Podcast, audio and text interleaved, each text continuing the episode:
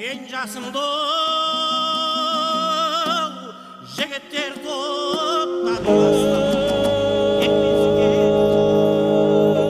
арқалы таудың шыңындай алқалы топтың туындай болған жыршы жыраулар жайлы білгіңіз келсе қошан мұстафаұлының інжу маржан хабарын тыңдаңыздар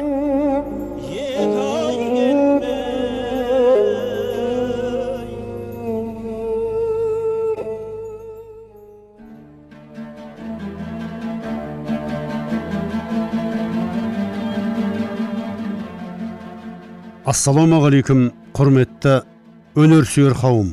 Әуе толқынында інжу маржан ұлы тұлғалар аталатын хабарымыздың төртінші бөлімін тыңдауға шақырамыз. Бұл бөлім 16 ғасырдың ұлы тұлғаларының бірі. Жалайыр тайпасынан шыққан әлшағыр ұлы орақты батырға арналмақшы асқар тауға жарасар басындағы обасы айдың көлге жарасар сылдыраған қоғасы. Ер жігітке жарасар қолындағы найзасы десек. Халық әдебиетінің бағзы замандардан ұмытылмай ұрпақтан ұрпаққа ауысып отырған күрделі де мол мұраларының бір саласы батырлар жыры. Бұл шығармалардағы басты қаһарман елін сүйген батыр. Ал оның басты мақсат мұраты туған елін жерін басқыншы жаудан қорғау. Батырлар туралы туындылар жұрт қиялында осындай зарығу торығу тұсында туындайды. Батырлар жыры жөнінде әр кезеңдерде әуезов марғұлан жұмалиев ғабдуллин сыдықов бердібай қасқабасов тағы да басқа қазақ ғалымдары. Және орлов жермунский смирнова зарифов сынды таяу шетел оқымыстылары іргелі зерттеулер жүргізді. Академик мәлік ғабдуллин қазақ батырлар жырының шығуы қалыптасу даму тарихын шартты түрде төрт кезеңге бөліп қарастырады. Бірінші париархалдық рулық құрылыс кезінде туған эпостық шығармалар. Екіншісі 14-ші 18-ші ғасырлар арасында шығарылған эпос. Үшіншісі 19 ғасыр мен 20 ғасырдың бас кезінде шыққан жырлар. Төртіншісі кеңестік замандағы қазақ эпосы яғни дәстүрдің жалғасқан жаңарған түрі. Хабар жасау барысында өзінің шама шарқына байланысты қиыншылықтарға жолығатының белгілі дегенмен жеңуіңе тура келеді. Жүк ауырын нар көтерер іс ауырын ер көтерер деп ақылы дария ойы теңіз лев гумилев атындағы евразия ұлттық университетінің профессоры филология ғылымдарының докторы. Қазақстанның еңбек сіңірген қайраткері негимов серік нығметжанұлына бардым. Серік аға өзіңізге белгілі алматы қаласы дінмұхаммед қонаев атындағы евразиялық заң академиясының ректоры өмірәлі шәкәрәбұлы жалайыри жолбарыс би атындағы қоғамдық қор қадырғали би қосымұлы жалайыри халықаралық қоғамдық қорының тағы да басқа азаматтардың ұйымдастыруымен жолбарыс би және оның дәуірі деген тақырыпта халықаралық ғылыми тәжірибелік конференция ұйымдастырылды. Оған өзіңіз де қатыстыңыз сонымен қатар арнайы үлкен мақалада жаздыңыз. Сөз жерден ауыр күннен ыссы деген сөз барын жақсы білесіз. Енді осы жолбарыс би бабамыздың тұлғалық қасиеттеріне тоқталсаңыз.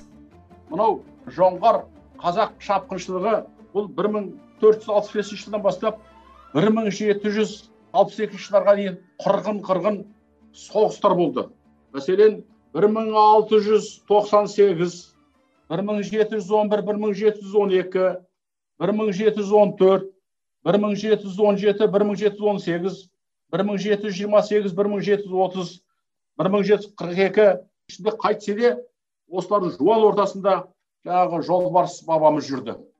Өте тактик стратег бір замандағы аттиланың шыңғыс ханның қазақтың ұлы қолбасшыларының жауынгерлік дәстүрлерін жорықтарында пайдалана білген бірден бір көсем баһадүріміздің бірі деп есептейміз.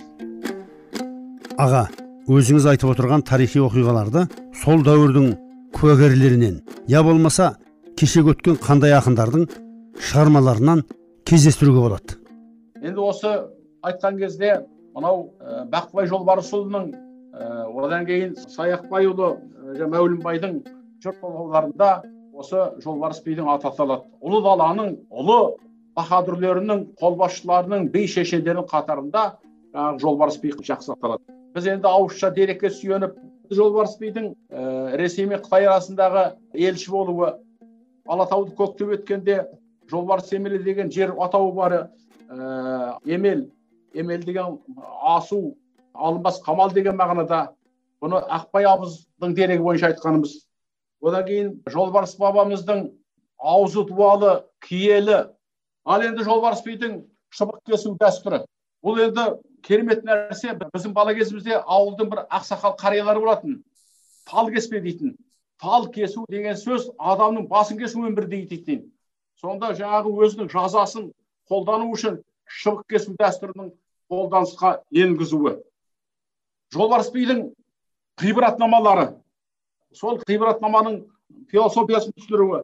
Не істесең де түбін ойлап істе дейтін сөз.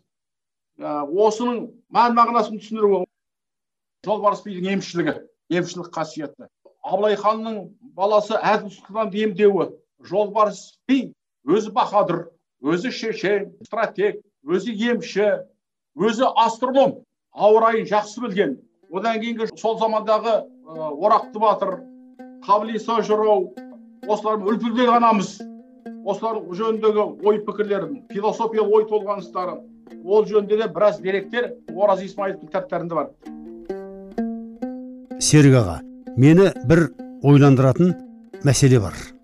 Біздер үлкен тұлғаларымызға ғылыми конференциялар ұйымдастырамыз.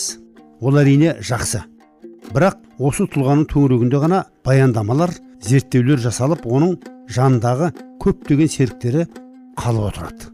Мысалы өзіңіз айтып отырған орақты батыр ол кісі де ірі тарихи тұлға. Бірақ бұл кісі жайында деректер тым аз. Сүйінбай ақын өзінің қырғыз ақыны қатағанмен айтысында ақ көбікті өлтірген орақ батыр мықтым бар деп атап өтеді. Өзіңізге мұның бәрі таныс ғылымға деген алғашқы қадамыңызды осы жетісудан бастаған едіңіз.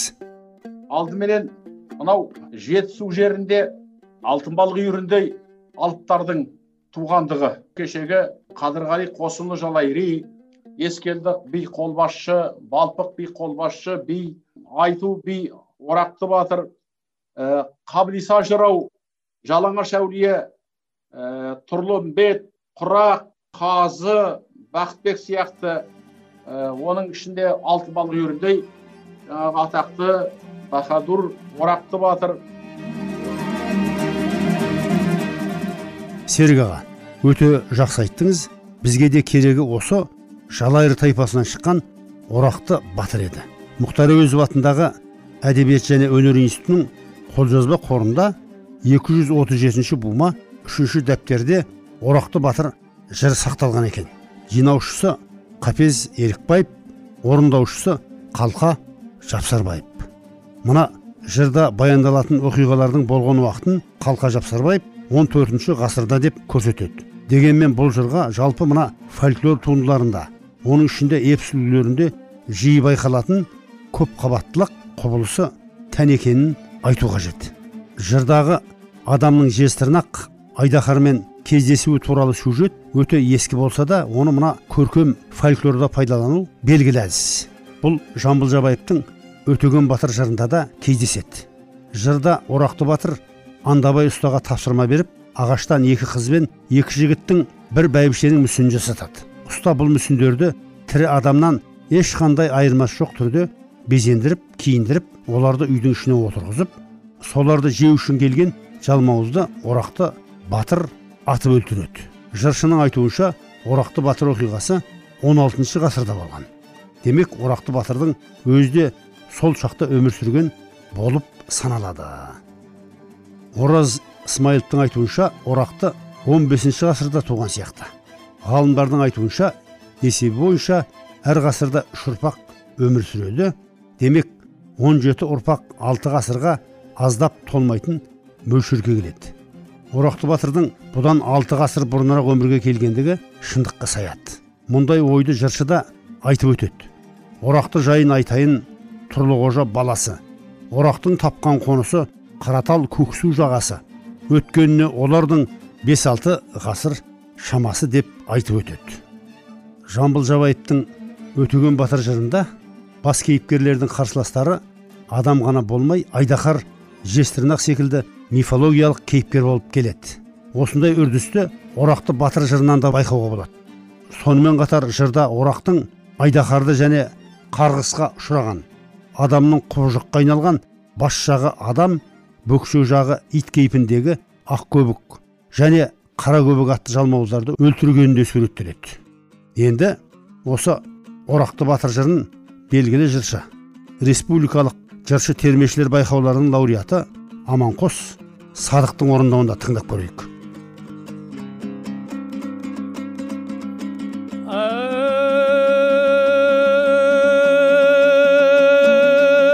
Ей қызыл тілім сөйлеші.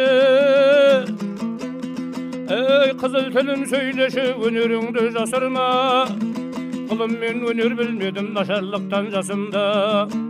Бір дарақтан үш бұтақ өркендеп өскен басында қойдай үркіп қояндай секеңдеген уақытта тиянақ жоқ халықта он төртінші ғасырда ойға да қырға шұбырып әр түбекке тығылып ей таудың да жүрген тасында ел аузында ертегі кітапқа бұрын жазылмай терушісі жоқ болып ақ қағазға басылмай ерлердің қылған ерлігі қалды да қашан ашылмай. Сонда халық еңіреген мұнарлы тұман ашылмай. Ұлы жүз үйсін бабасы үйсіннің екі баласы. Абақ пен тарақ емшектес абақтың тарақ ағасы. Сол уақытта жалайыр мекендеген мекені. Ағаш аяқ ақ қолтық жиделі байсын бер жағы. Қырық жайын деген дария қонысы соның жағасы.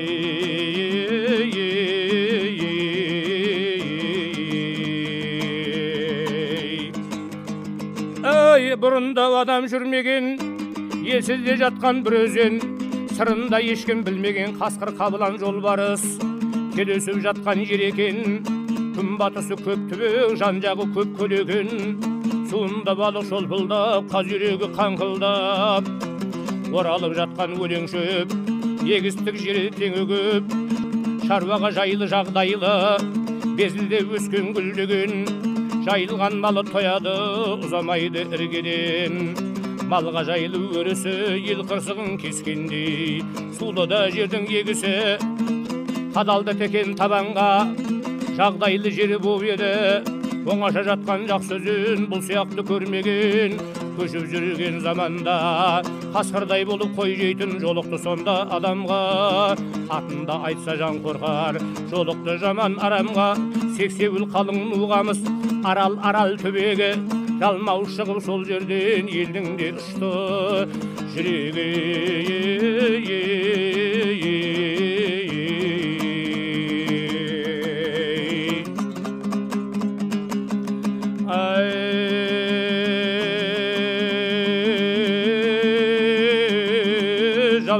шығып сол жерден елдің ұшты жүрегі қайғы мен халық жүдеді шыдай алмай бәлеге жұрттың кетті іреңі жетім мезгіл болғанда қораға түскен қасқырдай әр үйге келіп кіреді әрбір күнде кісі жеп халықты өстіп бүреді қысылы сонда шулады көргені қорлық болмады ағаш аяқ ақ қаратау менен сырдағы көрген күні көп екен елсізге келсек еңістеп жалмауыз қолын салады жұртым енді көшпеңдер үйіргесін көтеріп уықты бауын шешпеңдер тәуекелге сыйынып қоялық енді көшкенді осыны айтып орақты орнынан ұшып тұрады халықтан бата сұрады орақты бұл сөз айтқанда сексендегі бабалар алпыстағы аналар сегіздегі балалар қорғаймын елді деген соң олардай шулап жылады көп адам бұған бармасын он шақты адам шығалы қорғаймын елді деген соң ел қуанып тұрады құлынынан тай демген құнанында ар демген дөненінде ор демген бестісінде үйреткен ей жібектен арқан сүйреткен дәл жетіде жасы бар келтеді шашақ жібектей әдемі кекіл шашы бар кебеже қарын кең танау кез жарым келген басы бар жебелей басып желгенде еті де қызып келгенде бойымды еті бұлтылдап әпшісін жердің қуырып алдында дею кез келсе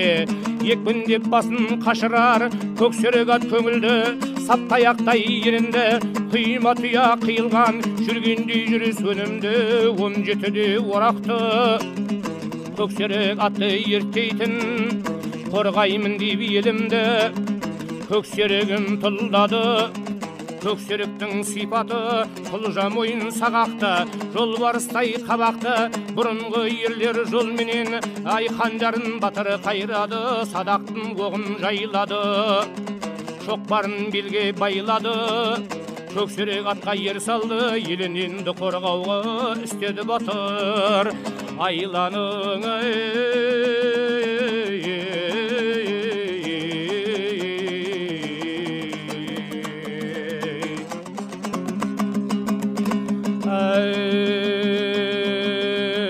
ілгері болсын адамнан нұсқасы болсын жарамды бидің айтқан бұл сөзін аңдабай мақұл алады ағаштан адам шаппаққа жуан ағаш қарады жасаса адам болатын төрт бес ағаш табады арамменен аралап шығарып саусақ салалап формалап адам шабады жасады бастап екі қыз жібектен көйлек кигізіп бетіне бояу жағады құйрығынан жылқының басына бұрым тағады. Түлкінің көзін көз жасап айрақша ақыл табады. Құмырсқа белді ақмаңдай таңшолпаны секілді ой таспенен көздің арасы күміс саусақ салалы. Ақ бетінде кіршік жоқ жауған қардай тамағы. Қиылған қалам секілді жасалған қыздың қабағы. Бар кемдігі тілі жоқ формына қараса адамзатта міні жоқ ажарына қараса көргенде құмар қанады жаны бар егер қыз болса көрген адам ғашық боп құмарың оты жанады қыздармен бірге тұрғызса айыра алмай қалады көзінде сүзіп күліп тұр он бестегі қызға ұқсап ай секілді ажарың он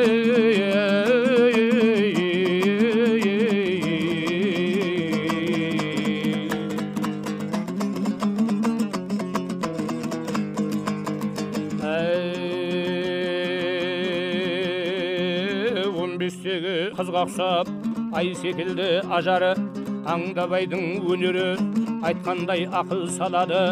Екі жігіт толымды көз тартарлық бұрымды ағаштан тағы жасады.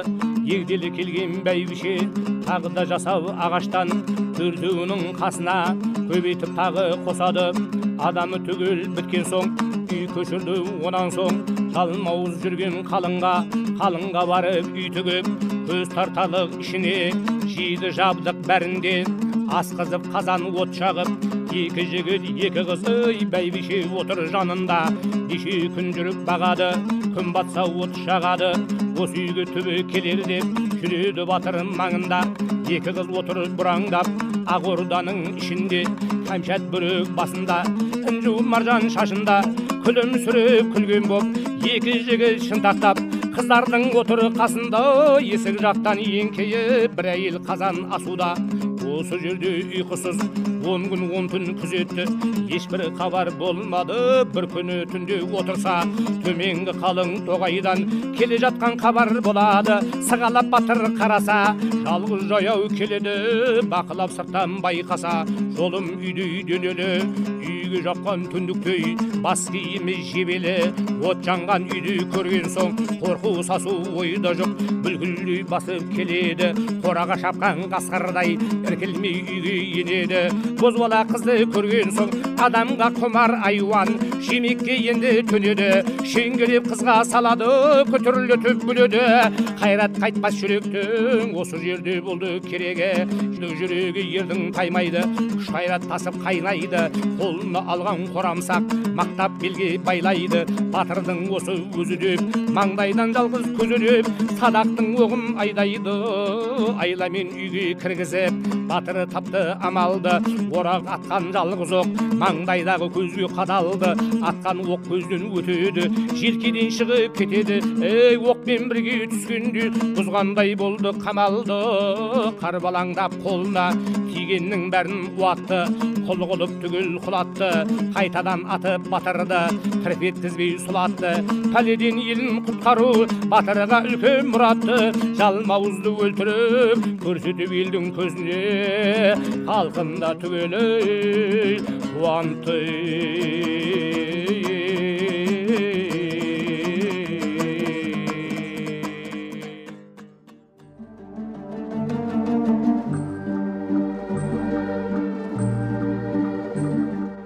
біздің хабарымыздың келесі қонағы сырбазда сері. Сері мінез ғалым. Гумилев атындағы евразия ұлттық университетінің профессоры филология ғылымдарының докторы. Тұрысбек рахымжан сағынбекұлы таудай толқын басса да суға батпас қасқалдақ қанша боран соқса да қыран ұшар аспандап демекші. Өзіңіз білім саласында аспандағаныңызға көп жылдар болды. Реке өзіңізге белгілі жақында жалайыр тайпасынан шыққан мемлекет және қоғам қайраткері жолбарыс би жайында үлкен ғылыми конференция өтті. Оған өзіңіз қатыстыңыз сөз сөйледіңіз. Менің жасап отырған бұл хабарымда осы тайпадан шыққан ұлы тұлғалардың бірі әрі бірегейі бүгінде ескерусіз қалып бара жатқан орақты батыр жайлы қамсанба деп едім. Өзіңізге белгілі елбасымыздың да осы тарихи мәселе жөнінде көп дүниелерге қозғау салды. Мәдени мұра мына рухани жаңғыру бағдарламасы тарих толқында деген белгілі бағдарламалар жобалар міне осының тұтас мазмұнынан өткен тарихқа деген біздің құштарлығымыз қызығушылығымыз еселеп артады. Қазақ руханиятында соның ішінде ұлттық би шешендердің әлеміне еркін енетін болсақ шын мәнінде мына қазақ сахарасы қандай кең байтақ болса біздің мына ділмәр сөзді бітімді шешімді айтқан сол кездегі данагөйлердің әлемі өзінше ерек өзінше бітік өзінше биік болып байқалады. Мына бүгінгі күннің биігінен қарайтын болсақ шын мәнінде бұрынғылардың жасаған болмаса көрсеткен өмірдің өнегесі руханияттың ізі өрістері қай қайсысы да бізді қызықтырады. Соларға жаңаша барлау талдау жасауға бірқатар бажайлау жасауға мүмкіндіктер береді. Шын мәнінде қазақ би шешендері олар қалыптастырған орта өмірдің өнегесі шын мәніндегі дәстүрлері мектептері бізді әлі де қызықтырады әлі де тартады. Сол себепті де біз мынау қазақ радиосы бола ма қазақ телевидениесі бола ма бұрынғы соңғы әдебиет әсіресе тарихтың ізі бедері қалған материалдарға әлі де қызығамыз әлі де жақсы жағдайларда қауышқымыз келіп тұрады. Неге? Неге сол шын мәнінде сонда біздің тарихымыз тағдырымыз әлгінде айтқан қазақ болмысы биік біздің батырларымыздың билеріміздің шешендеріміздің шын мәніндегі болмысы бедері осында қалыптасқан қалған міне бүгінгі ұрпақтың әсіресе мына ересек буынның арғы тарихқа өткен өмірдің өнегесіне деген қызығушылығы міне еселеп артпаса бір мысқалда кеміген жоқ міне осы реттен келген кезде әлгінде айтқан біздің батырларымыздың би шешендердің мектебі өнегесі олардан жеткен бітімді түйінді өсиетті ақыл нақылға толы сөздері әлі де өзінің мазмұнымен әлі де өзінің өнегесімен әлгінде айтқан талайғы тарихтың жай жапсарларын барынша бітімді түйінді шешімді жағдаяттармен жеткізулері біздің ынта ықыласымызды арттырып келеді. Міне осы біздің батырларымыздың билеріміздің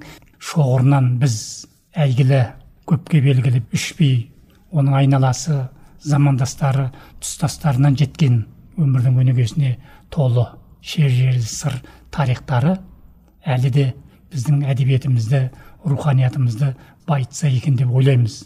Міне осы реттен келгенде сөз жоқ.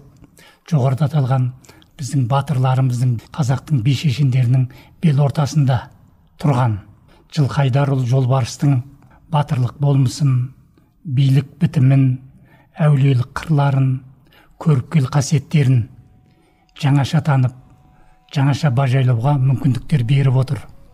Тағы да неге дейміз? Неге сол біздің кешегі тарихқа деген құштарлығымыз? Кешегі талайлы тағдырлардың әлі де ақтаңдақ беттерінің бар екені бізді соншалықты қызықтырады. Оның себебі де жоқ емес. Ыреке дұрыс айттыңыз оның себебі де жоқ емес. Өйткені осы конференцияның аясында бізде қаншама батырларымыз би шешен жырауларымыздың өмір тарихын еселі еңбектерін қозғап халқымызға жеткізуге мүмкіндік алып отырмыз. Енді орақты батыр жырына қарай бұрылайық. Байқап отырсақ бұл туындыда жалайыр руының қазақ жерін мекендеген дәуірінің әртүрлі уақыттарда орын алған қонысқа орналасу атамекенді басқыншылардан қорғау оқиғалары фольклордағы тарихи тұтастану мен эпикалық жинақтау тәсілі арқылы беріледі. Деректерге қарағанда қалқа ақын жырға арқау болған оқиғалар туралы әңгімелерді кезінде өзінің ұстазы жолбарысұлы бақтыбайдан естіген сияқты.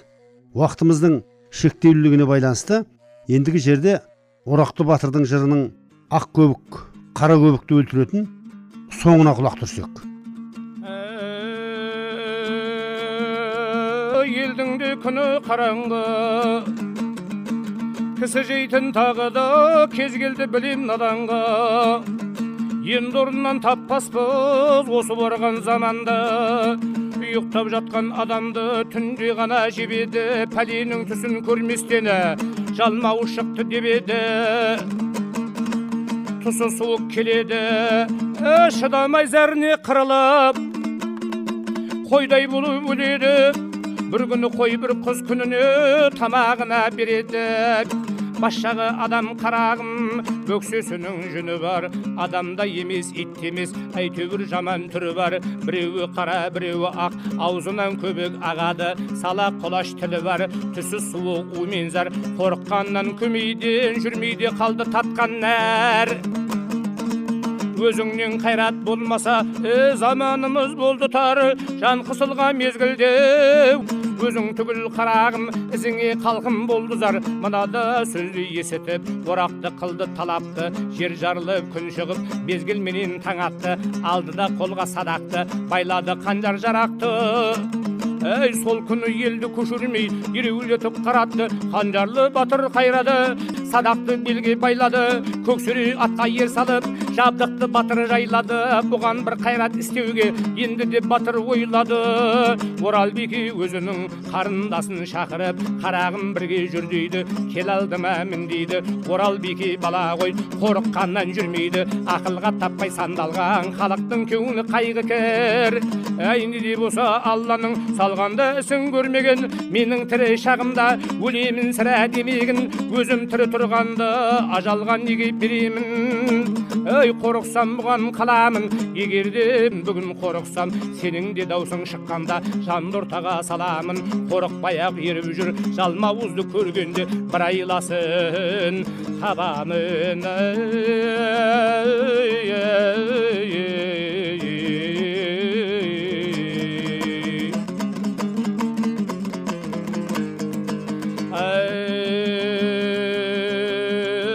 Жалмауызды көргенде бір айласын табамын көп үшін басым құрбандық тілеймін елдің аманын ел қорғау үшін бауырың түсіп те барып ішіне қайнап тұрған қазанның алып жүрді бауырын аузына байлап ажалдың келетұғын жолына қарындасын байлады садақтың оғын сайлады. Ей қанжарын батыр қайрады шаладай батыр жайнады. Қашан түсін көргенше қандай нәрсе екенде сонда да батыр ойлады. Ей сонда батыр ойлады ей түске де жуық болғанда екі нәрсе келеді. Нұсқасы адам секілді көз ұшында зырқырап аузынан аққан көбігі будақ будақ бұрқырап біреуі қара бірі ақ қарасын қыз көргенде шықты даусы шырқырап бауырдың даусы шыққанда қайнады ердің жүрегі темір болды білегі қаһарына мінеді сүйегі кетті сырқыры садақты батыр сайлады алатын қасқыр бүркіттей батырдың көзі жайнады тұсына таман келгенде оқты батыр бір атты екінің бірін құлатты зәлімнің бірін жайғады. Жығылғанда қараса ат көбік барып шайнады орақты атқан жалғыз оқ жөнелді сонда гүвілде серт айтып атты күшпенен ей туған күнім бүгін деп қара көбік тұра алмай жығылып жатыр гүрілдеп қайтадан атқан жалғыз оқ жөнелді сонда дүрілдеп ақ көбіктен өтеді жүрегін үзіп кетеді бір терекке оқ тиіп тұрды қалды дірілдеп батырдың көңілі шат болды ей қолдай көр кемел пірімдеп болды ердің дегені қара көбік ақ көбік ей орақты батыр оғынан екеуі де жөнеді халықтың болды панасы бірердің білген өнері бәледен халқын құтқарып оралып батыр үйіне аман есен келеді отыз бір жасқа келгенде ей отыз бір жасқа келгенде орақты батыр халқына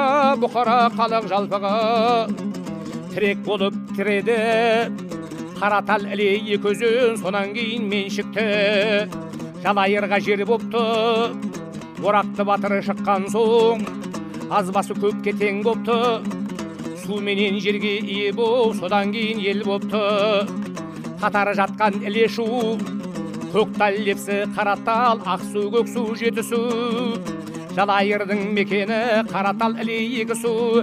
Ей өніп өсіп жалайыр екі өзенде отырну орақты жайын айтайын тұрлықожа баласы. Орақтан тапқан қонысы қаратал көксу жағасы. Өткеніне олардың бес алты ғасыр шамасы. Облысымыз алматы ауданымыз қаратал. Екі қалғыз болады ей сол орақтың баласы. Дүнген халықтың қанның қаласы. Мынау жатқан дүнгенге осылай деп айтатын халқымыздың білгені ел аузында айтылып ертегі болып жүргені жиюшы жоқ артында баспаға бұрын кірмеді. Ей көк судың асқан бойында дүнгеннің ойында қан сабы салынып денесі нұрға малынып күміс терек егіліп жоңышқа қылыш себіліп жаңа өмірдің нұрымен сәнді өзім боп гүлдеді енді келді жазатын бұл пайыма кезегің